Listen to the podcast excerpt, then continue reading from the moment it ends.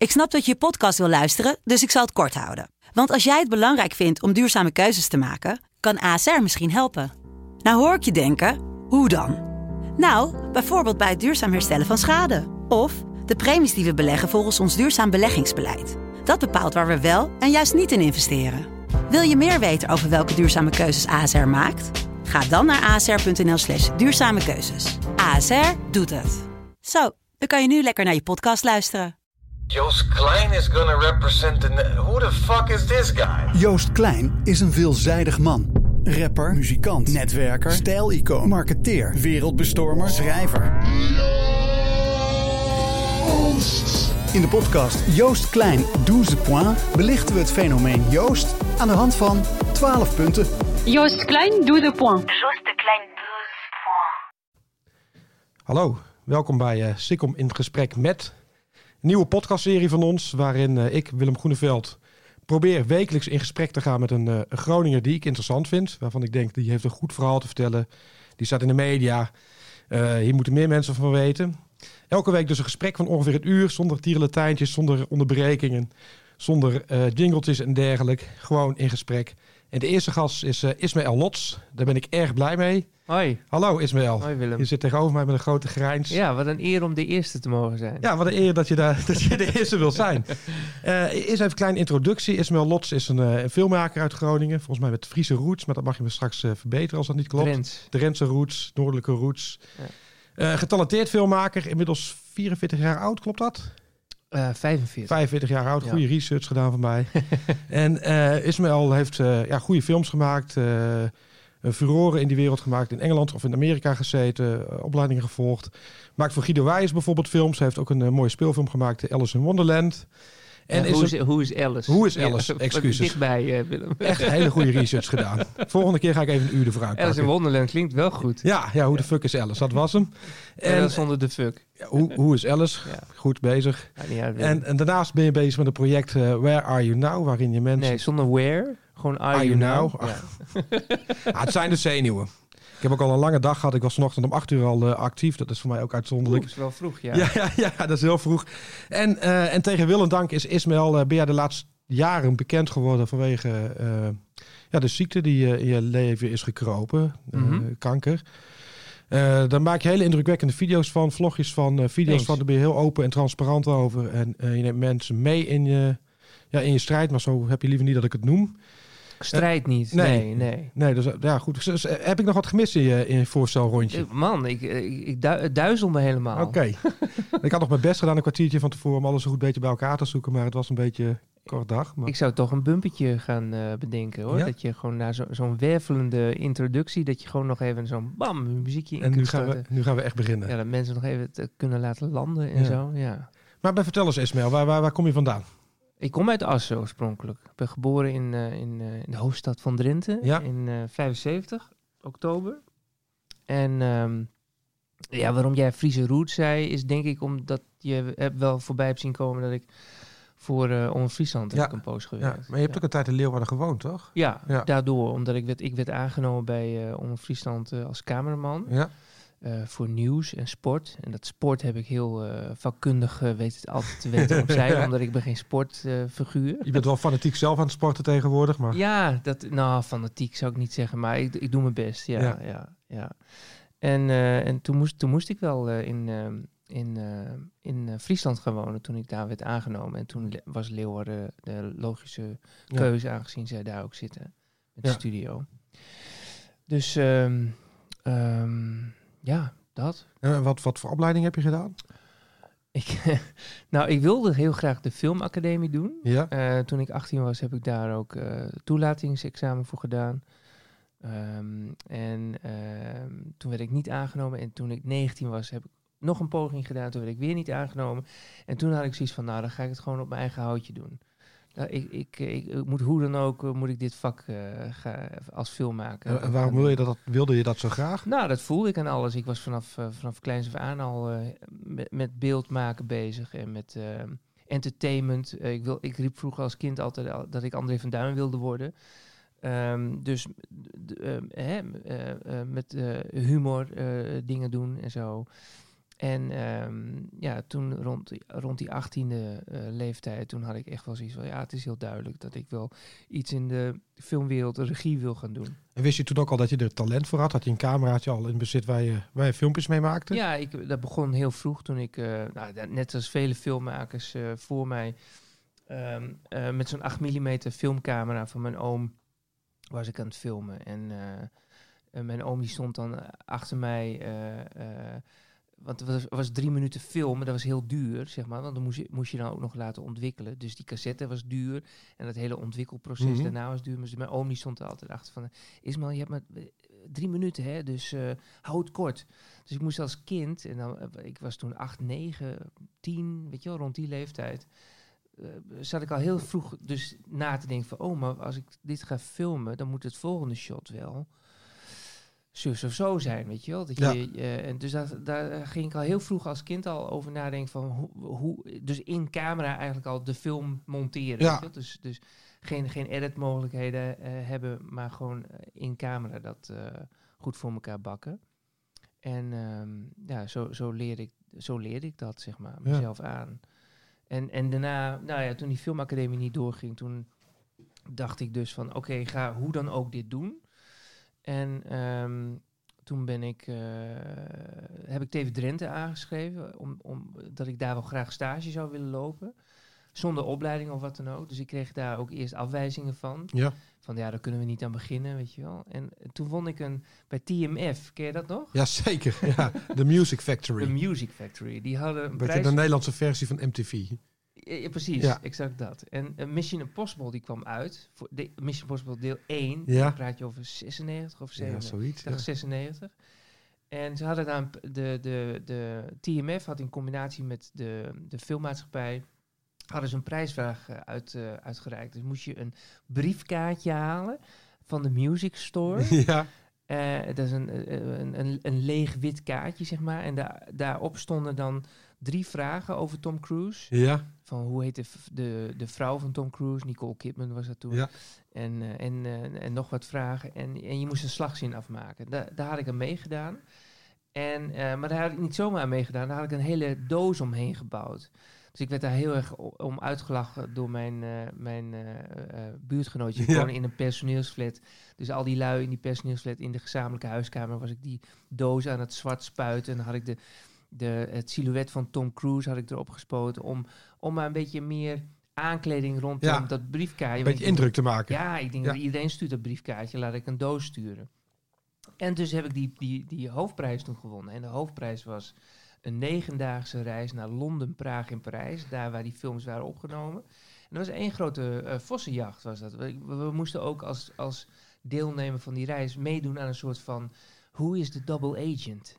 Ja. Dus op zoek naar de dubbel spion. Ja, zeg ja. En eh, dan kon je nog weer een koffertje winnen met allerlei Mission Impossible attributen. Dat was heel, heel, heel leuk. Maar ik ben toen naar de studio gegaan voor TMF. Naar. Wessel van Diepen. Die had toen Wessels waanzinnige woensdag. Ja, ja, ja. En eh, toen eh, heb ik daar die check in ontvangst genomen van, de, van die filmmaatschappij dame.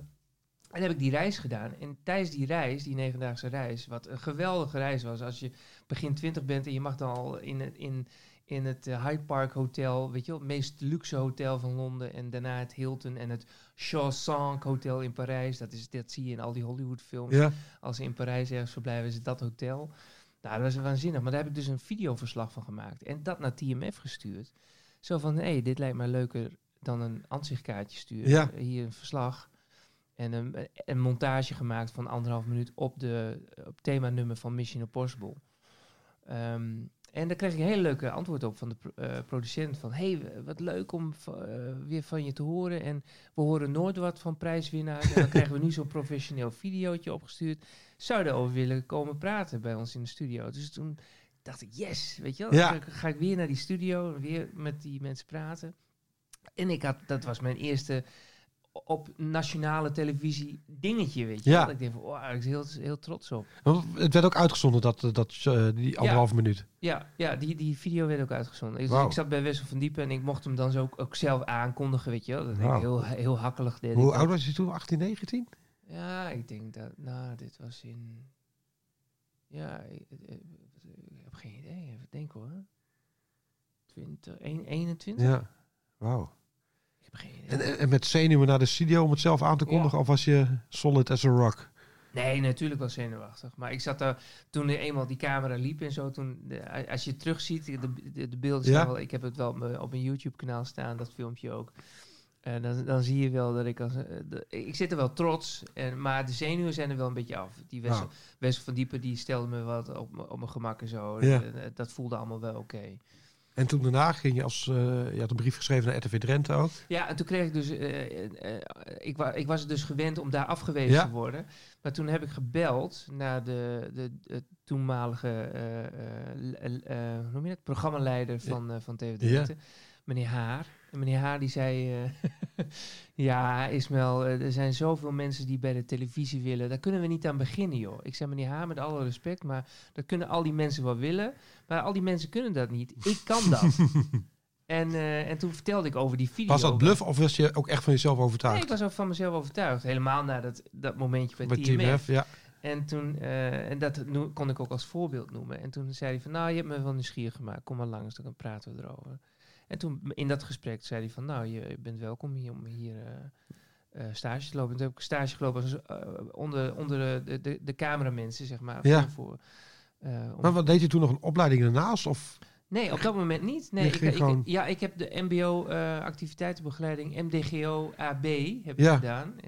Dus ik totaal iets anders? totaal iets anders, maar dat, dat was de, kijk, tegenwoordig heb je hele leuke opleidingen in, in de media Ja, als je iets steeds op cameragebied wil doen of editing of eh, whatever, licht. Ja, Eh, of schrijvende pers? Of, ja, ja. er zijn heel veel. Nou, dat, je had wel scho- school van journalistiek, maar daar moest je ook HB of eh, Ja. HAVO voor hebben Mhm. gedaan.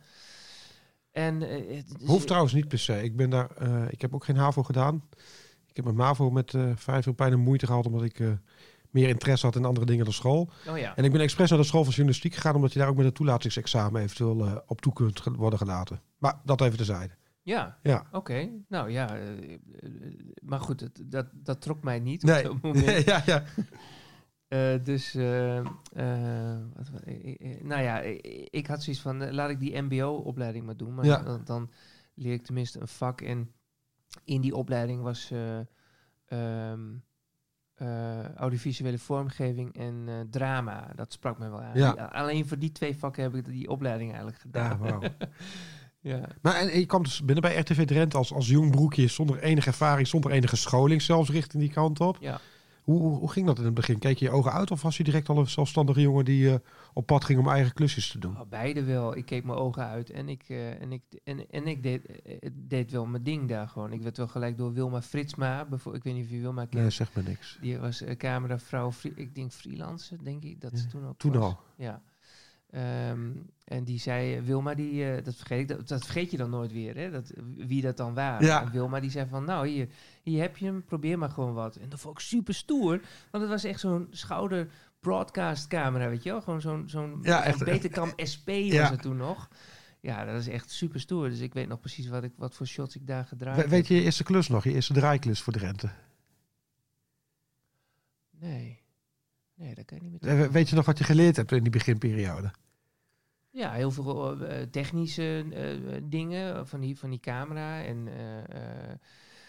hè, zoals die ND-filters. Ja. Ja. ja, dat wordt heel erg in het. Ik wil niet in, het, in die techniek. Nee, laten we dat niet doen, maar, maar dat heb je geleerd. Ja, dat en, en maar gewoon ook de keuzes, hè, dat je als, als cameraman, camerapersoon, eh, als je een keus maakt door bijvoorbeeld naar rechts te pennen, hè, beweging naar rechts Mhm. te maken, om hem dan ook af te maken of te weten waar je naartoe gaat. Ja. Of in ieder geval daar consequent in te zijn. Nou, allemaal dat soort dingen eh leerde ik daar Ja. wel. Dat leerde ik. En toen kwam er een- bij OogTV kwam er een eh, opleiding eh, tv maken. Hadden ze een advertentie voor gezet. En die programmaleider van TV Drenthe die zei tegen mij van... Hey Ismael, b- bij Oog in eh, Groningen hebben ze een, een opleiding... die misschien voor jou wel interessant is. En eh, daar heb ik toen eh, op, op ingeschreven. Moest ik ook een soort van auditie Ja. voor doen. En daar werd ik op toegelaten. En toen zei meneer H... die zei toen al van... Ismael, als je stage moet lopen vanuit die opleiding... dan is je stage al geregeld. Bij hoor. Drenthe. Ja. Ja, te gek. Ja, dat was heel leuk. En toen, toen heb je die ben je toegelaten bij Oog voor die opleiding? Ja, ja, dat was een jaartje geloof ik, of Ja. negen maanden, ik weet niet meer zoiets. Afgerond. Afgerond en toen eh, Stage gelopen bij Drenthe. stage gelopen bij Drenthe. Vanuit daaruit eigenlijk het freelandschap eh, eh, in, ingedoken. En ik, vind het, ik vond het altijd heel leuk, eh, camerawerk doen en zo. Maar ik voelde me nooit, als mensen tegen mij zeiden van... oh, jij bent cameraman. Toen dacht ik, ja, maar... Ja, ook. Dat ben ik ook. Ja, dat dat, ik, ik, heb, ook. ik heb het ook wel eens gehad dat ik met, met, met Leslie Pieters op pad was als cameraman. En dan introduceerde ik hem ook van, nou, dit is mijn cameraman Leslie Pieters. En hij vond dat nooit prettig. Hij zei van, dat, ik, het is een beetje te denigrerend of zo. Want ik ben niet, ik ben niet jouw secondant die alles toevallig filmt. Nee. Ik denk mee en eh, we maken samen dit. Dus ja, het, het- exact. Ja, Nou, zo voelde het voor mij ook. Dat, eh, dat herken ik wel. Ja. Ja. En, en ik, eh, daarnaast deed ik ook altijd van alles. Ik deed zelf mijn montage. Ik, ik was vroeger, eh, dus na die Super 8 eh, camera kwam er eh, Video 8 Ja. van so, Sony, so- Sony Handycam. Kwam ja we hebben wel wat decennia terug, stappen terug ja, in de tijd. Zeker, ja. zeker. Maar daar leerde ik wel, daar, kon, daar kon ik het echt monteren. Ja. Die camera op, de, op, een, op een VCC en daarna VHS videorecorder aansluiten. En zo leerde ik mezelf monteren. Ja. En dat deed ik, eh, dat ging ik op latere leeftijd ook eh Ja, want je, bent professioneel doen. producent, regisseur, eh monteerkamer, filmer. Je bent Ja. veel meer. Ja, ik doe al die dingen. Ja. Zwitserse zakmes noemde iemand mij een paar jaar geleden. Lekker, ik oh, dat is wel een goede benaming daarvoor. En, en daarna ben je ook nog bij Omroep Friesland terechtgekomen dus. Maar op het duur heb je het omroepbeleven achter je gelaten. ja. Wa- Waarom voelde je je toch niet helemaal thuis bij het, jagen, het nieuwsjagen? Of, Nee, nou, nou, exact dat. Ja, ik voelde me wel thuis bij eh, in, in TV-land. Ja. Ik, vind, eh, ik, ik, ik had leuke collega's bij Omroep Friesland, had ik leuke collega's bij Noord. Heb ik ook wel gefreelance en daarna ook nog bij, eh, bij TV Drenthe. Ook al die jaren daarna nog wel als freelancer kwam ik daar nog wel geregeld over de vloer. En dat sfeertje is prima, maar dat nieuwsjagen was inderdaad, dat heeft me nooit getrokken. en wa- waarom niet? Nou ja, eh, dan zat ik ergens zat ik in, de, in, het, in het kantoor lekker een bakje koffie te drinken, bij wijze van spreken, en een krantje te lezen. En dan komt er weer zo'n verslaggever die zegt: Isma, we moeten naar Jouren, er is brand. En je moet altijd naar andermans ellende. Dat Ja. vond ik zo ellendig. Dat ik denk van ja. Ja. En dan stond ik daar die brand te filmen en dan, eh, oh, SBS 6 is er ook, weet je wel. Eh, Alsof SBS 6 eh, eh, alleen maar... De rampenzender is. ja, ja. Ja. Ja, Hart van Nederland. En- Hart, en- Hart van de regio had je ook een poos, ja. Ja. En toen heb je op een keuze gemaakt van ik, ik stop bij de omroep en, en toen ben je voor jezelf begonnen? Of wat, wat? Ja, in, in, ik- eh, dat was 2003. Toen heb ik eh, eh, mijn toenmalige chef techniek heb ik toen gevraagd van kan ik ook minder ik zou graag minder willen werken kan dat en dat toen ben ik eerst van fulltime functie want ik was echt fulltime Ja. cameraman daar eh, van vijf dagen naar drie dagen gegaan en, en uiteindelijk eh, naar twee dagen en, en toen ben ik me ingeschreven bij de Kamer van Koophandel eenmanszaak en eh, nou dat ging steeds meer rollen en eh, eh, eh, eh, vanuit eh, eh, de functie van cameraman kwam ik ook op plekken dat, men, dat mensen mij ook vroegen van... hey, wij moeten ook eh eh, zus en zo eh, eh, een filmpje eigenlijk hebben. Ja. Eh, eh, ben jij in dienst? Ja, ik zeg, ben part-time in dienst, maar hier is mijn kaartje. Ja, ja, ja. ja. Dus zo op die manier eh, eh, begon het ook wat meer te lopen. En dat, ja, dat- En hoe, hoe kom je dan uiteindelijk bij, bij het maken van een speelfilm terecht? Wat ook niet zomaar een misselijke speelfilm was. Het, een prijswinnende speelfilm volgens mij zelfs. ja. En je doet de registratie van Guido, Guido Wijs' shows. En, en De registratie niet, ik doe eh, de introductie van... De introductie? in- ja, ook niet standaard hoor. Gewoon eigenlijk wanneer Guido denkt van ik heb een introductiefilm Ja. nodig of zo. Hoe, hoe kom je daarbij dan? Guido heb ik leren kennen op de set van Alles Over Niets. Ook een speelfilm. Ja, ook een speelfilm. Ja, Nederlands speelfilm. Die hebben we in 2012 hebben we die gemaakt met een, een, een groep enthousiaste eh, mensen die eh, eh, gewoon een, groep mensen die het allemaal interessant vinden om iets over non-dualiteit te maken. Wat is dat, non-dualiteit? Filosofie uit India, waarin wij ervan uitgaat dat jij en ik niet bestaan. Jij en ik zijn allebei één, zeg maar. Dus jij kan wel denken dat jij Willem Groeneveld bent en ik Ismail Lots. Maar eigenlijk zijn we gewoon één. En wat, wat voor één is het dan? Eén mensenras, één energie. Eén Één... energie, alles is liefde, zeg maar. Geloof je er zelf ook in? Ja, nou, het, het, het, eh, eh, laat ik het zo zeggen. Het, eh, het helpt mij om, om uit te zoomen naar hoe belangrijk is dit nou allemaal, weet je wel? Dat je, als je in de file staat en je denkt van... Oeh, shit, ik ben al te laat voor mijn afspraak met Willem. Dat, ik was net wat Ja. te laat. En die mensen schieten voor mij schieten niet op.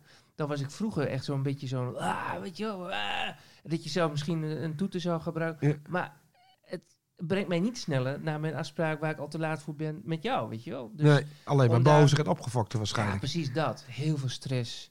Dat gaat in je lijf zitten. Ja. Nou ja, daar, daar kan ik door, door de non-dualiteit, zeg maar, om, om, d- dat ik daarmee in aanraking kwam, daar kan ik wat, Dus het relativeert heel erg. precies, Ja. ja. Kan ik wat Het sneller is een beetje het idee van ja, ik kan me wel druk maken, maar uiteindelijk keren we allemaal terug tot stof en Exact, maakt alles helemaal niks meer uit. exact. Ja. Is dat ook niet een hele deprimerende gedachte? Dat je leven dus eigenlijk helemaal niks uitmaakt? Eh, nee. Vind ik namelijk wel, als ik daar veel over nadenk. En ik denk van ja, ik zet me heel erg in voor bepaalde zaken. Maar over 100 jaar ben ik dood en dan is alles vergeten wat ik heb gedaan. Ja. Dat maakt, als je het zo omschrijft, is dat een hele deprimerende omschrijving. Ja, Ja. ja. nee, maar dat, nee, daar heb ik niet zoveel last Nee? van. Nee. nee, kijk die film Alles Over Niets, maar allesoverniets.nl, daar, kun je- daar staat die gratis. ja ga ik doen. Ja. En je bent ook veel eh, naar Amerika geweest voor, eh, voor, voor jezelf te vormen volgens mij. ja, Wat, wat heb je daar gedaan? nou, in, in 2015, dat was nog vlak voordat we Who is Alice gingen maken, toen dacht ik van, ja, ik moet als, als filmmaker toch minimaal wel één keer in mijn leven wat langere tijd in Hollywood zijn geweest. Mhm. En ehm, ik, werd, ik werd 40 dat jaar. En ik ben groot fan van Back to the Future. De trilogie, Ja. zeg maar, de films. En eh, Even voor de jonge luisteraar, dat is kort en krachtig die films uitleggen. ja, het is een tijdreis-trilogie. Eh, Back to the Future 1 eh, gaat over Marty McFly, een jongen van ja, of 16 denk ik dat hij is. En die is bevriend met een gekke professor. Ja, als je, het tegen, als je het in 2021 zou maken, zou die film niet meer gemaakt kunnen worden, denk ik. Hij was laatst toevallig nog op televisie, toen ben ik blijven hangen uit jeugdsentiment. Oh ja? Ja. Nou ja, en die, en die gekke professor die heeft een, een tijdmachine gemaakt van een auto, een DeLorean. Eh, Dat is, eh, eh, Google maar eens, Ja. DeLorean. Eh, prachtige eh, eh, aluminium, nee, een, eh, eh, hoe noem je dat nou? Een ehm, roestvrij stalen eh, eh, sportauto Ja. met vleugeldeuren. Die heeft hij tot de eh, tijdmachine gemaakt. En Marty die eh, be- belandt per ongeluk in 1955, in de tijd dat zijn ouders el- elkaar ontmoeten. En, eh, en zorgt er per ongeluk voor dat, dat in plaats van dat zijn vader zijn moeder ontmoet, dat hij zijn moeder ontmoet. En die moeder wordt dan verliefd op, op haar eigen zoon, maar Ja. dat weet zij niet. Met Nou als ja, gevolg dat hij uiteindelijk dan niet geboren wordt. Omdat de, Precies, dat- de die kruisbestuiving tussen de vader en moeder nooit eh, plaats zou gaan vinden. Ja. En die, deel 2 van die reeks, dan zijn drie delen van Ja. film. Deel 2 is dat Marty en Doc, die komen dan in die tijdmachine aan in de toekomst, in 2015. En dat in 2015, de, eh, hè, die dag, 21 oktober 2015, was de dag dat ze aan zouden komen. Dus Ja.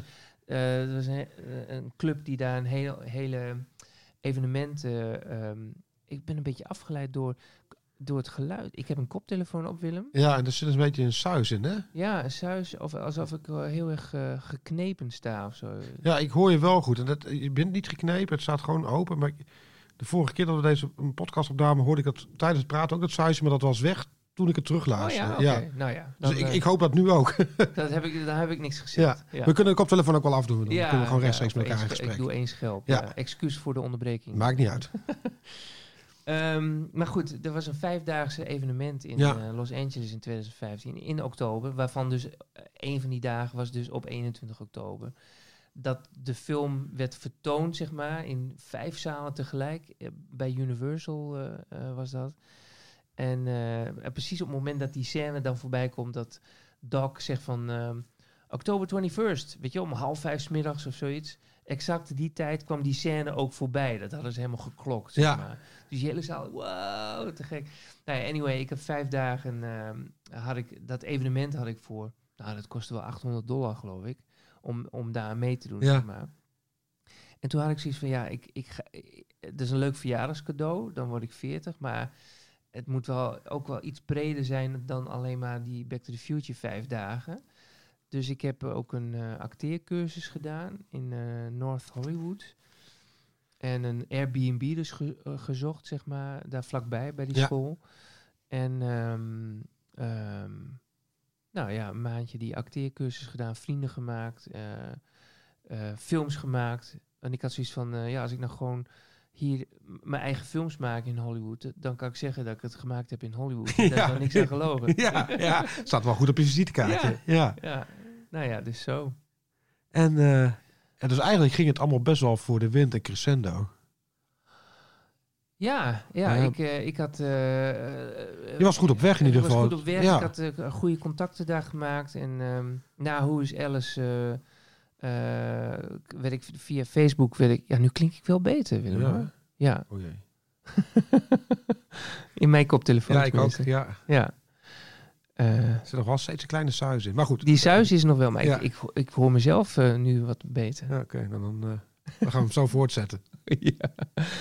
Eh, ik hoop dat ze er nog zijn, de ja, we zijn al 25 minuten onderweg, dus dan hebben ze al een tijdje volgehouden. Ja, wou ik zeggen, ja. Knap. Ja, en maar, maar goed, je had je het leven best wel goed op de rails. Je, je werd erkend. Eh, ik, ik, ik kwam je tegen, ik leerde je kennen als een goede filmmaker. Eh, niet dat dat een verschil heeft gemaakt in het leven, maar ik dacht wel, dat die, die gast gaat er komen. En ja, en, en, en toen werd het, ja, toen kwam kanker, kanker in je leven. Goed, Ja, longkanker. Ja. Eh, stadium 4, uitgezaaid. Ja. Maar Die zag ik niet aankomen. Nee. Nee, wa- wanneer was dat? Dat was 1 februari 2018 toen eh, de arts mij dat vertelde. Eh, met me, en mijn vriendin die zat naast mij. Maar je, je ging naar, naar het ziekenhuis, want je, je, of naar de arts. Ik had een hoesje, Ja, jarenlang. terwijl je niet rookte, niet... Nee, nee, niks van het alles. Ik heb wel gerookt tussen mijn 14e en mijn 24e, iets van 10 jaar. Maar die longen Ja, waren ja. wel weer schoon inmiddels, Ja, ja, wat dat Maar betreft. do- mijn oncoloog die zegt ook van ja, die zei ook vrij in het begin ook van hou maar op jezelf eh, op de kop te geven dat je ooit hè, in, Ja. eh, in je jeugd eh, ge- gerookt hebt, want eh, dit is echt een genfout. Ik heb dus de EGFR-mutatie ja, en eh, die is te, te behandelen met eh, een doelgerichte, me- eh, doelgerichte therapie heet dat. Dus dat houdt in dat ik elke dag een pilletje slik. En die, die, dat pilletje, dat kent de versleuteling van de cel, de kankercel, zeg maar. En die gaat dan in die cel zitten en die remt het. Dus het is al eh, jaren stabiel tot Ik, af... ja, we ik wil toch even terug naar dat moment eh, in februari 2017 dat je het te horen kreeg. 2018 was het. 2018, dat je het te horen kreeg. Ja, wat Want- wil je weten? Nou, ja, nou je, je bent naar de do- dokter gaan met een hoesje. Je, je krijgt wat onderzoeken vervolgens, denk ik. En dan bedoel, kom je bij de arts. En die gaat het je vertellen wat... wat hoe, ja, Ja, het, hoe, het hoesje was in mijn beleving weer terug. En Carolien, mijn vriendin, die zei van nee, het is nooit weg geweest. Het is wel eens minder, ja, maar het is nooit echt helemaal weg geweest. En dus ga toch maar naar de huisarts en laat je dit keer niet wegsturen van kom over twee weken maar weer terug Ja. als, het, eh, als het er nog is. Wat, wat, dan nooit, wat je dan nooit doet. Ah, helemaal niet als Noorderling. Nee, nee, nee. Want dat heb ik ook wel eens van de arts gehoord. Die komt uit het westen. Die zei, de Noorderlingen zijn eigenlijk de moeilijkste patiënten. Ja, is zo. Want je moet de diagnose stellen. Dus ik knijp in een arm, doet dat pijn. En dat doet ongelooflijk veel pijn. Maar de Noorderling zegt, nee, dat valt wel mee. Ja, exact. Terwijl ik juist ja. moet weten dat het daar pijn doet. Ja, we zijn geen piepers, hè? Nee. Ja, dat, dat. Maar Ja. daar, daarom is het eh, de percentage kankergevallen, longkanker ook, eh, in het noorden veel hoger. Juist omdat die mensen, including laat, me, ja. ja. eh, te laat eh, zeggen van, hé, hey, hier deugt iets niet. Dat is bijzonder. hè? Dus ik ben naar de huisarts gegaan Ja. en toen vertelde ik me het verhaal over mijn oma die eh, overleden is, eh, gestikt in haar eigen hoe- hoest. En het is nooit uitgezocht waar, waar ze nou aan overleden is, want het, is, het was van de een op de andere dag was ze er gewoon niet meer. Oh. Midden in de nacht is ze gaan hoesten en toen heeft ze nog tegen mijn opa geroepen van Piet, ik stik, ik ga dood. Dus ze heeft het wel aangevoeld dat er iets, dat er iets Ja. totaal niet eh, op dat moment goed ging met haar longen. Dus voor hetzelfde geld had zij longkanker, weet je wel. Dus, dus na die tijd niet uitgezocht. Maar toen ik de, de arts dat vertelde, toen zei ze van... nou, ik kan me voorstellen dat je je zorgen maakt. Laten we, laten we dan, dan toch maar een foto maken. Ja. En toen de volgende dag belden ze me gelijk van... hé, hey, eh, eh, de resultaten van die röntgen zijn, Zijn binnen. zijn binnen. En ze vinden iets van 4,5 centimeter... waarvan ze niet weten wat het is. Dat zei ze over de telefoon nou. Ja. Ja, Poeh, heftig. ja, omdat ze za- ze had zoiets van, ik weet niet waar je bent nu, maar laat ik, ik wil snel handelen. Ja. Dus daarom bel ik je. Valt direct bij de deur in huis. Is Ja. aan de hand. We moeten de volgende Ja. stappen gaan zetten. Ja, dus ik wou toch maar even een afspraak maken met de longarts. En eh, welk ziekenhuis wil je? Nou, eh Martini heb ik toen gezegd. En, ehm, En, maar, en wat, wat, het is een bijna een soort sportvraag, maar wat, wat, wat gebeurt er dan met, met je op dat moment als je dat... Want je, je weet, ik word onderzocht, dus je houdt misschien wel ergens rekening mee met, van het kan wel ergens Ja, zijn. nee, maar ik was een hele naïeve eh, droplul, vind ik. Zo, als ik dan, want ik was, ik was op dat moment ook aan het filmen. Mezelf ook aan het filmen. Ja. Ik had een, eh, eh, camera op statief en ik was bezig met een werkvisum voor Amerika namelijk. Ja, En daar was ik dingen over aan het vloggen, zeg maar. Ja. Op, op camera echt vertellen van, nou, waarom duurt het nou zo lang dat, die, dat dat visum er nog steeds niet is? Nou, en dat, daar was ik dingen over aan het vertellen. En toen kreeg ik dat telefoontje van de huisarts. Dus toen heb ik hem ook daarna weer aangezet. Zo van, nou, ik kreeg net een telefoontje van, van de huisarts. En ik had er net een, nieuwe microfoon gekocht. Een handmicrofoon, handzender. Dus daar was ik dingen mee aan het testen. Dus ik was een soort, als een soort van naïeve... eh, ja, eh, naïeve jongen was ik gewoon op camera van, nou ja, eh, ja, lullig. Ik, ik weet niet wat het is. Komt me helemaal niet uit. Ik wil naar Amerika. ja ik heb Dus wat, daar ook, dus wat daar ook zit, dat moet eruit. En eh, toen ben ik natuurlijk wel gaan googlen van eh, wat het zou kunnen zijn. En dan komt als een van de eerste dingen wel naar, naar boven longkanker. Maar als je longkanker verder gaat googlen, dan denk je van oké, als, dit kan het niet zijn. Maar als dit het is, dan, eh, dan is het over, weet je wel. Dan, Ja. ja. dan, eh, ja, dan houdt alles op. Maar het was wel longkanker. Ja, dat, de, de schok eh, was alsnog heel groot. Ja. Ja, en toen had ik zoiets van, nou, dit, dit eh,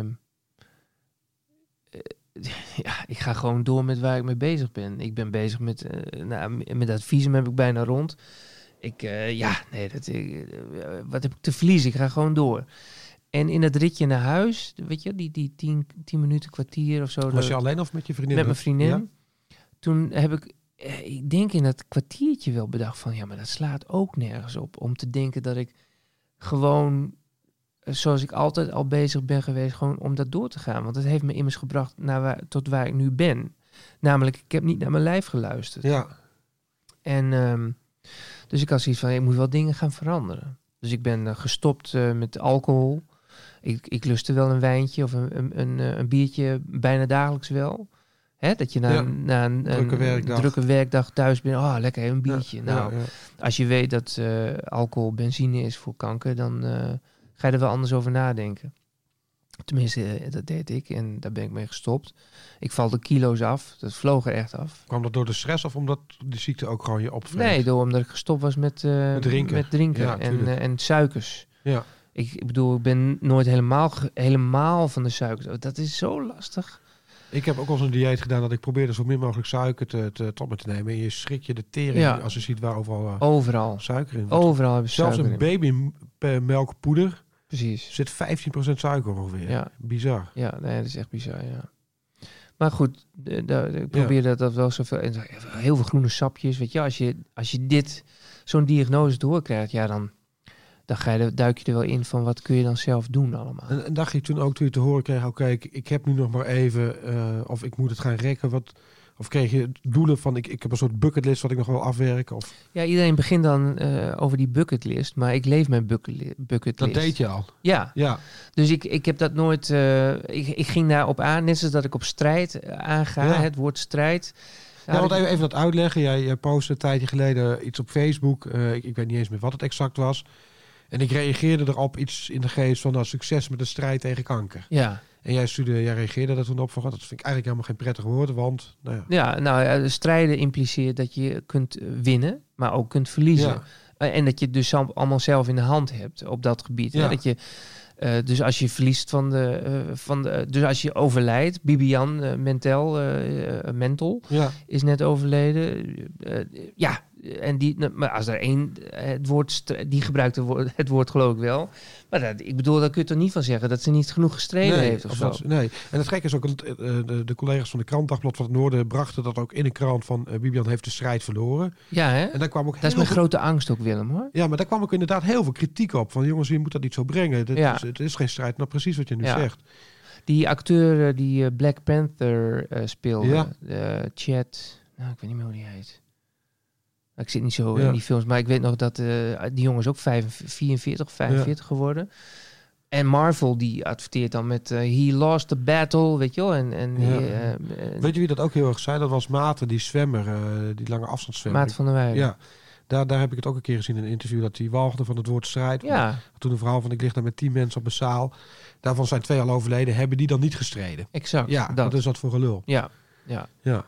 Nee, Kijk, dus ik, wel mensen dat als, als, als een goed bedoeld iets eruit gooien. Ik ook. Ik bedoel dat natuurlijk niet, niet om nee, op de tenen te trappen. Ik, ik snap de intentie Ja. ook hoor. Dat snapte ik ook wel. Ik bedoel, dat maar, weet ik ook wel. Maar ik vind het ook wel eh, pr- prettig om, om, om jou in dit geval dan, om, om mensen in het algemeen Ja. gewoon eh, even mee te nemen daarin. Zo van, oké, eh, net zoals het woord sterkte, weet je wel. Ik, ik, het is nu ruim drie jaar geleden, hè, februari Ja. 2018. Ik krijg bijna dagelijks wel het woordje sterkte ergens te horen. Als het niet op Facebook is, dan wel in real life. en dan ben je, ben je daar klaar mee? Of Ja, nou, de, de, de, kracht, ook wat onaardig naar de mensen de die dat kracht van sterkte gaat, is de totaal af. Dus dan, Maar wat moeten de mensen wel aan je meegeven? Je Ja, voor je post wat en ik denk van god, ik wil die Ismaël hard nou, onder de riem steken. mensen moeten vooral gewoon lekker luisteren. En aanvoelen wat, eh, wat, er, eh, wat er nodig is. ja, Er hoeft niet altijd wat gezegd te worden namelijk. nee. En laat onverlet dat, dat je ook goed begrijpt dat het goed bedoeld is. Dus Tuurlijk. Dat, hè, dat het niet... Tuurlijk, zeker. Ja. Ja. En soms is er wel sterkte nodig. Ik had in september had ik nog een hersentumor, dat bleek. Eh, van, van bijna een biljartbal. Vijf eh, centimeter omtrek in mijn kleine hersenen. Ik was een beetje duizelig. En ik denk van, dit vertrouw ik niet helemaal. En toen heb ik eh, de oncoloog gebeld van, nou, over, hè, over geklaagd over die duizeligheid. En die, zei, en die heeft toen een MRI voor me ingepland. De dag erna, s'avonds als laatste klant, op kwart over tien eh, was ik aan de beurt. En toen liet ze me net iets te lang liggen in die buis. En toen had ik zoiets van, zie je wel, klopt niet. Dit voelt niet oké. En de radioloog die wachtte mij op. De deur ging Ja. open en die verpleegkundigen bleven aan weerszijden van mij staan. Dat voelde al gek, dat ik denk van, wat is er aan de hand? En toen de radioloog die stelde zich voor, die zei van, nou, mij is gevraagd om, om alvast eh, te kijken, want u had aangegeven dat er wat aan de hand was. En hij zei, ik moet inderdaad eh, constateren dat ik iets van 4,5, eh 5 centimeter, ook weer 4,5, 4,5 5 centimeter, net als in die long, dat Ja. vond ik zo bizar. In uw kleine hersenen zie je, dus ik wou je toch maar even langs spoedeisende hulp sturen. Nou, toen moest ik daar blijven.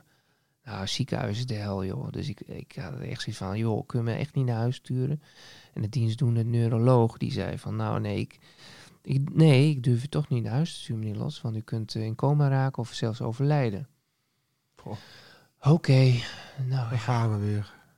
Ja, en toen, eh, na tweede, na- en het was in het weekend. En toen heb ik zondags heb ik toch tegen die doen, dienstdoende professor, hoogleraar eh, neurologie, die dan rondging. Wel, toch wel gezegd op een gegeven moment van... hé hey joh, als het hier over doodgaan gaat... want ik had het idee dat het over was... Hè, dan ga ik veel liever thuis dood... Ja. dan dat ik hier nog één seconde langer in, Ja. dit, in deze hel blijf. Want het ziekenhuis, joh. Helemaal de afdeling neurologie.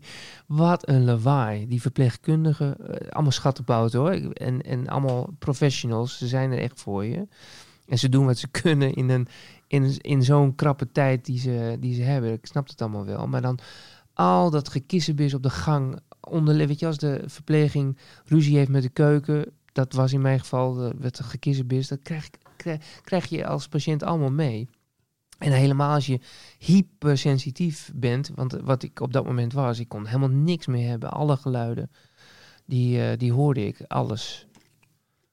Eh, hè, zelfs dat jij nu een slokje uit een flesje neemt, dat was te veel. Ja, je kijkt Dat was al gewoon- redelijk geërgerd aan. Maar... Nee, helemaal niet. Nee, maar ik probeer, ik, ik probeer terug, te, Ja. te, terug te halen van hoe dat ook alweer was. Goh. Dat ik herkend werd van mijn Lots Leeft films Ja. eh, ehm, door de dame van de eh prikpolie. Die zei, hey, ik zie een bekend gezicht. Terwijl ik in een rolstoel zat, geduwd door mijn vader. Want ik kon zelf niet meer lopen, omdat alles scheef stond door die tumor. Ik wist wel wat recht was, eh, verstandelijk wel. Ja. Maar ondertussen... evenwichtsorgaan. mijn evenwicht was gewoon alsof ik op een gekapseist schip moest rondlopen. Dus ik kon nauwelijks lopen. Dus ik werd geduwd door mijn vader. En, die, en ik had oordoppen in tegen al die de geluiden. En die vrouw, die, hoe lief ook en goed bedoeld. Hé, hey, eh, zie een bekend gezicht. Hoe is het nou met jou?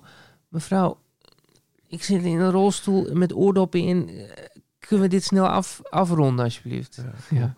Maar, je- maar je zit hier vitaal met een grote glimlach. Je, je rent de trap omhoog als een jong veulen, harder, sneller dan ik. hoe, hoe, hoe, hoe staat het ervoor met, met, de, met de kankers in je lichaam?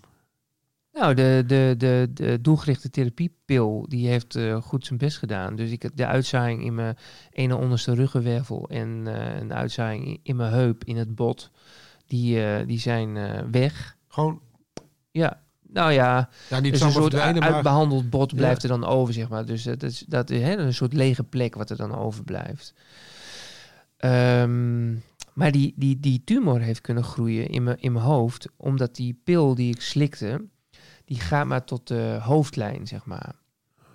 En eh, dus hij heeft nooit aange, die is nooit aangekomen in, in, in mijn al Ja. eh uitzaaiing in die hoofd, in het, in het hoofd, Ja. sorry. En, hoe, is het met die uitzaaiing in je hoofd? Ja, er zitten uitzaaiingen op het, eh, eh, spatjes op het hersenvlies. Wat nu, ik heb nu een nieuwe pil, een nieuwe doelgerichte therapiepil. Nadat die tumor eruit gehaald is uit mijn hoofd, toen werd het natuurlijk op kweek gelegd. En toen hadden ze gehoopt een, eh, een mutatie te vinden, waardoor mijn oncoloog een bepaald middel mag voorschrijven. Maar die mutatie werd niet gevonden. Dus dat middel mocht ze mij niet voorschrijven officieel. Terwijl ze wel wist van daar heeft hij baat bij. Dus ehm, nu gaat het buiten de zorgverzekering om. Krijg ik van AstraZeneca, notabene, de farmaceut, Ja. krijg ik het rechtstreeks van hun. Ehm, op eh, compassionate use basis. Dus mijn oncoloog die heeft zeg maar eh, AstraZeneca aangeschreven als zijn kijk deze man Ja. 45 heeft ba- eh, baat gehad 2,5 jaar lang van een vergelijkbaar doelgerichte therapiepil. Afatinib heet dat. En ik wil hem graag osimertinib voorschrijven. Eh, maar de zorgverzekering betaalt het niet. Willen jullie, willen jullie hem eh, steunen? En En dat wilden ze. ja, de sponsored by. Dat is wel bijzonder dat zo'n farmaceut zegt. Zeker. want dat is wel gewoon een verdienmodel. Ja, nee, zeker. Dus ik, eigenlijk wil ik daar ook nog wat over maken, Willem. Ja. Een lots leeft, waarin ik eh, met, met de oncoloog, eh, met een, ik weet niet of een verzekeraar wil, maar want ik eh, Denk het niet, maar- Nee, maar ik ga ze wel vragen. Ja. Van ja, waarom be- be- betaalt de zorgverzekeraar het nu? nu ik, we zijn nu maanden verder en het blijkt dus dat ik er baat bij heb. Want Ja. de laatste scan was het ook weer stabiel, ook in mijn hoofd. Je maakt net zelf wel een bruggetje. Lots leeft. Dat is een, eh, een, een serie vlogs, filmpjes hier, die je maakt volgens mij al een paar jaar sinds je, Ja, sinds je eh, weet dat je, dat je kanker hebt. ja. Kun je daar eens wat over vertellen? Jawel. Kun je- Ja? Ze- Kun je ja. eens uitleggen wat, wat Lots leeft is aan, de, aan de mensen Nou, thuis? Lots leven, dat is verschilt per aflevering eigenlijk. Maar eh, wa- wa- waar het, wat een terugkerend thema is, is dat je nu leeft. Ja, En, en nu is het enige wat je hebt. ja. En eh, dat laat ik graag zien. dus ik, ik stel eh, in de aflevering mensen vaak wel op de hoogte van wat de scan eh, dit keer dan tonen. Maar ik heb nu elke twee maanden een scan. Dus ik wil niet elke keer over die scans iets maken. Of niet alleen maar. Nee. Het is dan een beetje een bijlage. Maar ehm, ja, ik, ik laat dan zien hoe, ehm, wat ik zo al tegenkom. Ja. Ik, wat ik, ik heb niet alles gezien, maar wel een behoorlijk aantal. Ik, wat, wat ik heel knap vind is dat je... Ik durf best wel een straffe mening te hebben in een artikel of eh, iemand weg te zetten. Of eh, zeker als ik goed ingelezen ben. Maar ik durf heel moeilijk dingen van mezelf te laten zien. En jij laat de meest kwetsbare kant van jezelf zien. Mhm. Mo- Moest je daar een drempel van over, over? Of dacht je van eh, direct van ik moet dit doen, ik, ik moet, dit, is manier, dit is wie ik ben, ik maak films en nu ben ik zelf het onderwerp? Of, Ja, dat laatste. Dat laatste dacht ik. eh, Schuinstreep. Ik heb eh, mijn hele leven voor de camera dingen gedaan. Dus ook dus, naast het feit dat ik achter de camera heel graag mijn ding doe, ja. heb ik ook vanaf kleins aan altijd de camera wel op mezelf gericht Ja. gehad. En, en de, vlogde ik eh, als puber eh, toen eh, het, dat woord er helemaal nog niet bestond, zeg Ja. maar. En YouTube ook nog Nee. niet bestond. Toen, had ik al wel hele, hele gesprekken op camera over dingen die ik meemaakte. Dus dat, het was voor mij, dat was voor mij niet moeilijk om, om Is- te denken van dit moet, ik, moet hier, ik, ik moet hier wat mee. En ehm, het, het blijkt dat mensen er ook wel ehm, ja, steun uithalen, zeg maar. Ja, want, want we kwamen net in het gebouw hier. We zitten bij NDC Media Groep aan de Lubekweg. Dat is een bedrijfssamengebouw. De bedrijfs, of het gebouwbeheerder is John Franke. Ook, Ja. eh, ook een man met longkanker. Maar die, die komt ook terug in jouw vlogjes op een gegeven moment. Ja, John, die heb ik... ehm, Ben, ben jij ook een soort, soort de godvader is het verkeerde woord, maar ben je ook een soort toevluchtsoord voor, voor lotgenoten die denken van Ismael filmt hierover, die weet hier wat van. Ik, ik, ik wil met hem praten. Ik, Ja, komt wel voor. Ja, ik word wel benaderd door, men- door mensen via Facebook of eh, Twitter. Of eh, mensen weten me gewoon wel, wel te vinden. Dus ik heb wel op die manier eh, voor, en ook wel eh, weer nieuwe tussen eh, aanhalingstekens vrienden opgedaan. Hè? ja. Dat je, en ook verloren. ja, dat zeggen. Want Dat is, maar dat is wel, vind ik wel heftig hoor. Ja. Dat lijkt me ook heel erg, want je doet nieuwe vrienden op van, met mensen die in dezelfde situatie zitten. Dus je hebt een band. En Ja. ik denk dat je dan heel snel naar elkaar toe groeit. Dat het die band Klopt. ook snel innig wordt. Omdat het heel eenzaam is, door dit te hebben, is het vrij eenzaam. Want eh, ehm, ja, lo- lotgenoten, ik heb een hekel, ook een hekel aan dat woord. maar ehm, eh, die snappen wel hoe, hoe die eenzaamheid is, dat je dat hebt, zeg maar. Want wat, wat, wat kun je daar een beetje over uitweiden? Want eh, je hebt je vrienden, je hebt je, hebt je vriendin, je familie. Als je wat post op sociale media, komt er altijd interactie op los. Mensen die meeleven, mensen die sterkte wensen, mensen die Ja. zeggen succes met de strijd. Maar dat is allemaal goed bedoeld, zoals gezegd. ja. En toch voel je je alleen. Ja, eh, alleen omdat je. ehm, eh, eh, het is heel lastig. Ik, ik maak er wel films over. Tenminste, ik probeer daar elke keer wel. Maar elke, elke aflevering is ook wel een struggle voor, voor me. ik ga in het Engels over. Ja, een gevecht voor je, een strijd. Ja, strijd voor me om. eh, eh, ehm, nou, eh, eh, ja, worsteling, hè? ja. is ook zo'n woord. Ja. Eh, om na te denken over hoe, hoe verwoord ik dit nou? Eh, dus dat is elke keer wel ehm, een, een overpeinzing. Omdat ik eh, wel voel dat het, het is gewoon eigenlijk niet uit te leggen. Als je geen kanker hebt, dan ja, weet jij veel. En dat, dat, dat, eh, dat interesseerde mij ook niet voor. En, en nog steeds eigenlijk niet. Eh, ik- nu heb ik het, maar ik wil niet mijn laatste eh, jaren. Ik weet niet hoe lang ik heb, maar hè, ik ga er altijd van uit. Een van de eerste lessen die ik van dokter Bob Pinedo, daar mocht ik bij. Dat is een, een, een grote naam in de oncologiewereld. Die man is met pensioen. Een dokter, die heeft heel veel onderzoeken heeft Ja. gedaan. En die, eh, die zei tegen mij van... eh, meneer Lots, denk niet in termijnen. Denk niet vijf jaar, denk niet tien jaar, maar denk honderd jaar. Denk de rest van, de- van je leven. Hij vroeg mij van, heb je iets om, of waar je voor opstaat? Ik zei, ja, meer dan één ding. Hij zei, dat is het belangrijkste. Een reden hem om te leven. Ja, wat, wat zijn die redenen voor jou? ja eh, meerdere dingen. Mijn vriendin eh, film maken. Ben je nog niet klaar? Nee, nog lang niet. Nee, ik heb het idee dat, dat ik nog lang niet klaar ben. Maar Alhoewel, af en toe denk ik wel eens van... Goh, ja, wat, wat, eh, wat moet ik dan allemaal? Wat, wat, wat, weet je, vroeger was, was het idee van... de grote filmmaker in Californië. Dat is de ambitie. Weet Ja. je wel? Gro- gewoon Ja, een ja, grote naam. Hollywood-producties maken. Ja. Ja. En daar heel goed en bedreven in zijn en, daar en daar naam in maken. Maar en dan? Dan heb je, daar, stel, ik Ja. zou dat halen. Ja. Ben je dan, ben je dan, dan heb je het dan helemaal gemaakt en ben je, gelu- ben je dan gelukkig? Eh, Dat draait het ook uiteindelijk niet om. Maar draait het dan wel? Want, eh, eh, heb je dat geleerd nu in, door al die tegenspoed en eh, doordat je met de neus op de feiten bent gedrukt heel hard hoe, heel hard, hoe fragiel het leven is, hoe vergankelijk het is? Dat blijft een, eh, dat blijft een, eh, een, een ding wat komt en gaat. En, en ik, maar ik zie wel nu meer in dat het gaat om nu. En nu zit ik met jou hier deze podcast te maken. En heb een, een bakje koffie en een watertje. En geniet ik van dat we radio maken. Dat, dat, dat is het. Ja. Dit, dit, dit is het, weet je wel. En jij die luistert naar ons. Ik kan me dat haast niet voorstellen, want die eerste 25 minuten waren ruk qua audio. Maar, da- maar da- dan is dat het, weet je wel. Dat Ja. is wat het is. Dat is waar Are You Now dan ook over Ja. gaat. Ja, want dat is een project. Ik ben, je hebt mij daar ook een keer voor gevraagd, een paar jaar geleden Vijf al. jaar geleden, denk ik. Vijf jaar geleden. Het is een project waarin jij mensen voor, een, voor de camera zet op korte afstand. En er wordt drie minuten vol- volgens mij niks gezegd. En mensen moeten drie minuten in de camera kijken. En jij vangt eigenlijk hun gedachten op zonder dat mensen zien waar die gedachten naartoe gaan. Dat is het, ja. Ja, drie minuten jezelf zijn. Ja. Maar het is, eh, eh, van tevoren vinden de meeste mensen vinden dat heel lastig. En zo van, oh, nou, drie minuten en niks waren zeggen. lange drie minuten voor mij. Ja, hè? Ja. Ja, maar de meeste mensen, die zeggen uiteindelijk toch van, goh, nu al? Weet je wel? Goh, ik had nog wel langer gewild. En wa- wat, wat is het idee erachter?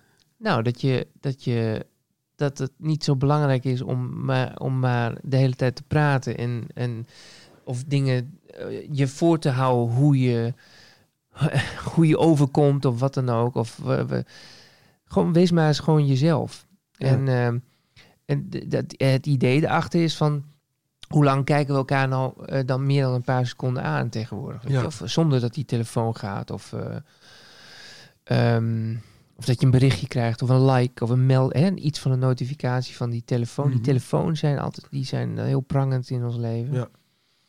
En ehm, ik had zoiets van, daar wil ik wel, eh, ik wil wel iets maken waarop mensen zich daar bewust van worden. Dus ik, eh, ja, daar wilde ik wel iets mee doen. Mhm. Dus dat doe ik nu al zeven jaar.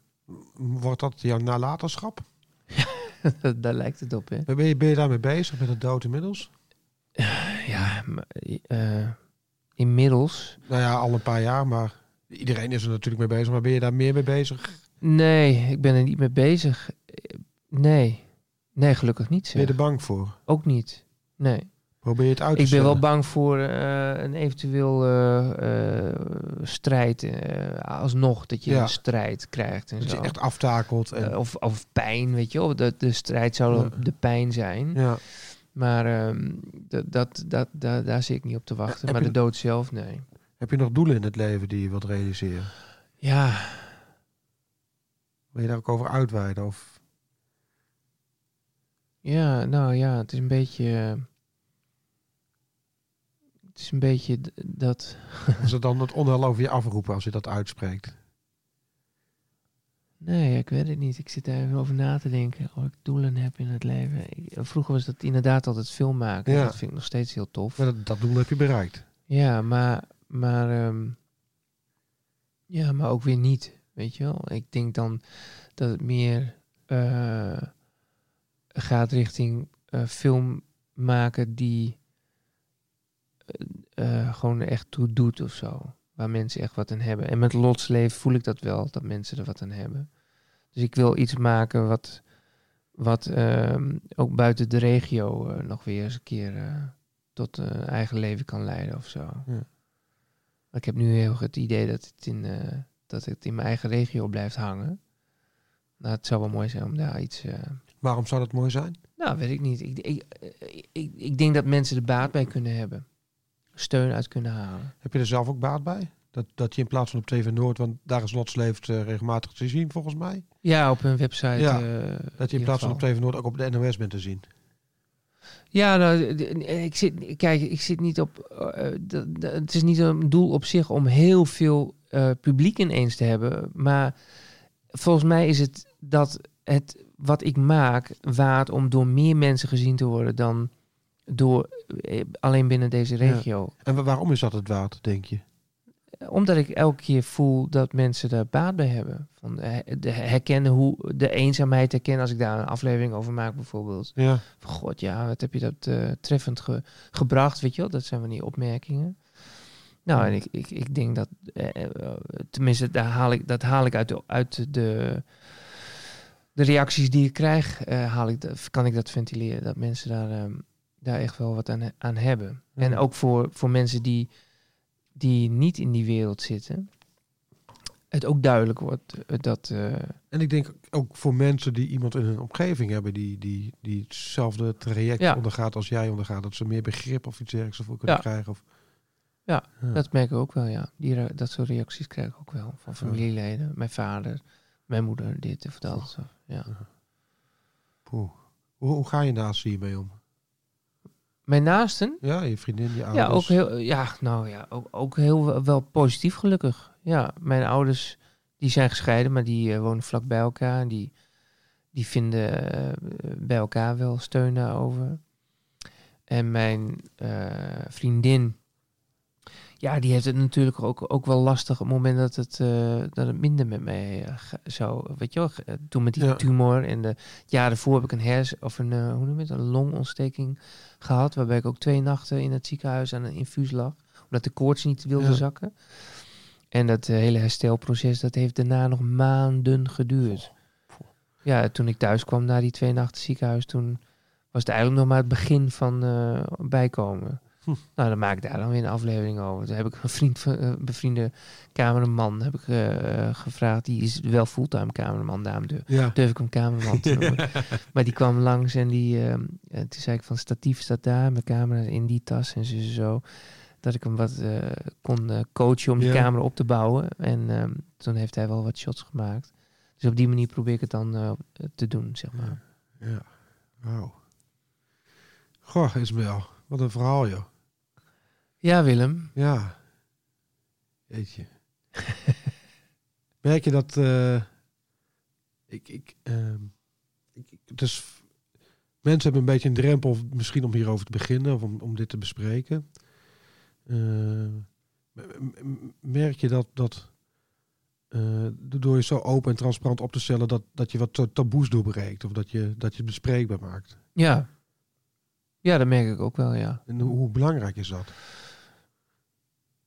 Nou ja, ik denk eh, dat, dat het. ehm, eh, kijk, de dood is. Daar zit al. eh, over, om überhaupt over de dood te praten is al, is al een taboe hè, Ja. in, in, in, in de wereld waarin wij leven. Terwijl dat zo bij het, bij het leven hoort. De afgelopen jaar hè, met die pandemie. ehm, toen toen Rutte in dat kamertje ons toesprak. Toen had ik heel erg het gevoel van. Ik zit al twee, ruim twee jaar in die In die lockdown. in, die, in, in, in, in een soort lockdown. En eh, toen voelde het ineens alsof de hele wereld ineens eh, catching up aan het doen was. Van, alsof de, iedereen ineens bewust van werd van... Goh, het leven kon wel eens eindig zijn, weet En je het wel. is fragiel. Ja, Maak jij je nu ook extra zorgen met corona even Nee. richting het einde van de Nee, podcast? Nee, nee. Want je, je, je valt wel bij, je hoort, behoort tot de risico. Nee hoor, ook niet. Nee? heb ik gevraagd. Oh. Ja, dat zegt iedereen. Ja. Maar eh, dat is ook super irritant. Ja, sorry, want ik voel dat ook zomaar voor Ja, je. dat geeft helemaal ja. niks. Dat- dat- dat- Nou, het geeft niks. Ik, ik merk aan je reactie dat je, je bent er een beetje fel op. Ja, omdat ik denk van ja, eh, maar dat is eh, eh, een beetje hetzelfde als sterkte. Ja, Als je elke dag hoort van, goh, jij hoort ook bij die kwetsbare groep. Dan denk ik, je bent zelf een kwetsbare groep. Iedereen is een kwetsbare Ja. groep. Ja, nee, maar nee, ja, ik, ik weet het niet. Volgens mij valt het wel mee. Ik, ik zoek het niet op. Ik, ik probeer wel voorzichtig te zijn. Maar ik ga ook niet... eh, ik, ik heb het in het begin wel gehad dat ik eh, daar heel, heel panisch mee was. Maar, maar eh, al heel snel had ik zoiets van, ja, maar zo wil ik niet mijn leven leiden. Ik wil niet alleen maar in een soort van angst en spastisch alles. Oeh, oeh, we moeten overal van, van wegblijven. Om alsnog misschien dat virus te kunnen Ja, gaan oplopen. ja. En alsnog daar aan dood te kunnen gaan. Nou, daar heb ik geen zin Nee, in. Ik wil gewoon genieten van het leven. gelijk heb je. Een van, een, een van die laatste onderwerpen die ik wil aansnijden, snijden over genieten van het leven gesproken. Je maakt tegenwoordig ook fantastische filmpjes met eh Mr. Big City, Piet van Dijken. ja, Piet, een goede ja, vriend. Ja, dat, Ja. jullie zijn dankzij die filmpjes volgens mij ook echt goede vrienden geworden. Ja. Of was dat daarvoor al? Nee, dat is, eh, Piet omschrijft het zelf als een vriendschap zonder aanloop. Wat ook echt zo, zo, zo voelt. Wat, hoe, ja, want wat, wat, wat doen jullie samen? Vertel eens. Ja, we hebben een programma dat heet Lots en Van Dijken. Ja. Mijn achternaam, zijn achternaam. En ehm, eh, ja, dat ontstond toen ik... Te, ik was te gast in, eh, in zijn programma wat hij toen nog had, de Herenstraat helemaal. Waarbij hij hè, door de, Ja. de Herenstraat loopt. en- Enorme eer om daarin te gast te zijn. Ja, absoluut. Ja. Zeker. Jij ook? Ik- ja, Ja. daarom zeg ik het ook. Ja, Ja, ja. maar dat is wel zo. De hoeveelste gast was jij? Dat weet je dan vast nog. Dat weet ik niet. Ik weet nog wel, dat was wel grappig. Het was denk ik, eh nee, ik weet precies wanneer het was. Het was na de bekerwinst van FC Groningen, dat ze van Zwolle wonnen. Mm. En Piet is natuurlijk groot FC Groningen supporter. Ja, ja. En dat was dat weekend vond Groningen de beker. En maandag hadden wij die opnames. En eh, we moesten ons melden bij de HEMA. Ja. En dan kwam eh, Piet van Dijk aanlopen. En die was helemaal blij natuurlijk nog dronken van euforie dat eh, Ah, FC Groningen de beker had gewonnen. Zie hem dat doen. En die begint tegen mij, god Willem, wat mooi hè, FC Groningen, de beker. En eh, nou, hoe heb jij het beleefd? En ik zei, god Pieter, de beker, waar heb je het over? Nou, FC Groningen, voetbal, de beker gewoon. Ik zei, oh ja, leuk, maar ja, ik, ik heb helemaal niks met voetbal.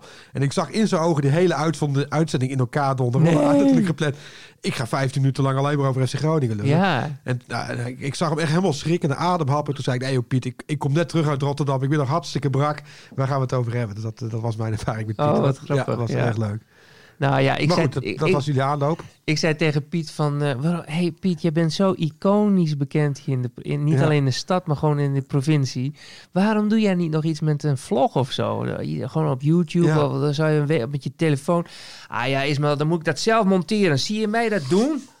Ging die achterover zo zitten, weet je. Zie je mij dat doen? Nee, nee, ik zei, nee, nee, nee, dat zie ik jou niet doen. Maar ik, ik heb het niet altijd even druk, Piet. En ik woon ook in de stad. Dus we zouden samen misschien eens een keer iets maken. En toen knipte hij met zijn vingers, wees hij mij zo aan. Maandagmiddag, drie uur voor het nieuwscafé, jij en ik. Prachtig. En toen hebben jullie die eerste, is dat, was dat de eerste? ja, dat was de eerste. Ja, nee, dat was de tweede volgens mij, de fiets. De eerste was... Ik weet niet meer wat de eerste Maar was. het, het concept is, jullie gaan met z'n tweeën op pad en je spreekt gewoon mensen aan. Toch? Dat is, ja, ja da- da- en mijn vriendin die zei toevallig een paar dagen geleden nog van... ik vind het in de stad toch wel het leukste. Wanneer gaan jullie dat weer doen? Dus ik denk dat ik met Piet weer... Want we hebben ook uitjes Ja. gedaan. Hè? Naar Borkum hebben we Ja. een aflevering. En naar, naar Amsterdam. Toen had Piet een fotoshoot voor de Linda. Ja, Want hij, had, de, de- hij was de bekendste eh, Groninger. Hij werd het meest Ja, ja, genoemd. ja. En toen mocht hij in de, in de, kwam hij in de Linda. Dus die hele daar fotoshoot. was je ook heel trots op, denk ik. Zeker, Ja. zeker. Ja, ja, ja. Poh, Ja. zegt hij dan. Hè? Poh, dat ik dat nog op mijn... Dat ik dat nog op, de, op in het Ja. staartje van mijn carrière nog mee mag maken. Ja, prachtig.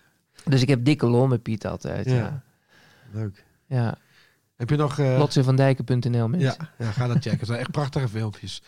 Wil je, ja, we gaan richting... We zouden ongeveer een uur praten. We zitten op eh, minuut 59. Oeh, We kunnen nog over een doorgaan. uur. Ja, ja, maar we- of, ik, ik ben wel een beetje richting het einde. Maar heb je, heb je nog iets wat je wil meegeven? Of klinkt heel idealistisch en wat zweverig misschien, maar... Ja, ehm, nu is alles wat je hebt, eh, Ja. mensen. Dus Ja. leef, leef je leven. Leef Leef, je leven. volop. Leef nu. Leef. Leef. Ik hoor de muziek. Ja, ik ook. en ik zie een demonstratie erbij opdoemen. Nummer wordt tegenwoordig heel vaak ingezet bij de, de anti-corona demonstraties. Oh ja? Ja, Dat weet ik niet. ja, nou ja dat terzijde. Ismael, bedankt voor je komst, joh. Dankjewel Willem Ja. voor de koffie en de gezelligheid. Ja, ik vond het een fijn gesprek. Ik ook. Ja, Leuk. mooi. Nou, dankjewel voor het luisteren. Dit was eh, de eerste Sikkom in gesprek met Ismael Lots dus. Wil je meer van Ismael weten? Toets zijn naam in op Google en je komt een hele rits interessante eh, filmpjes en andere eh, content tegen. Volgende week weer een nieuwe gast. Nog niet zeker wie dat is. Mocht je een interessante gast weten voor ons, drop de naam via de socials en misschien gaan we er wat mee doen. En ja, bedankt voor het luisteren en tot, tot volgende week.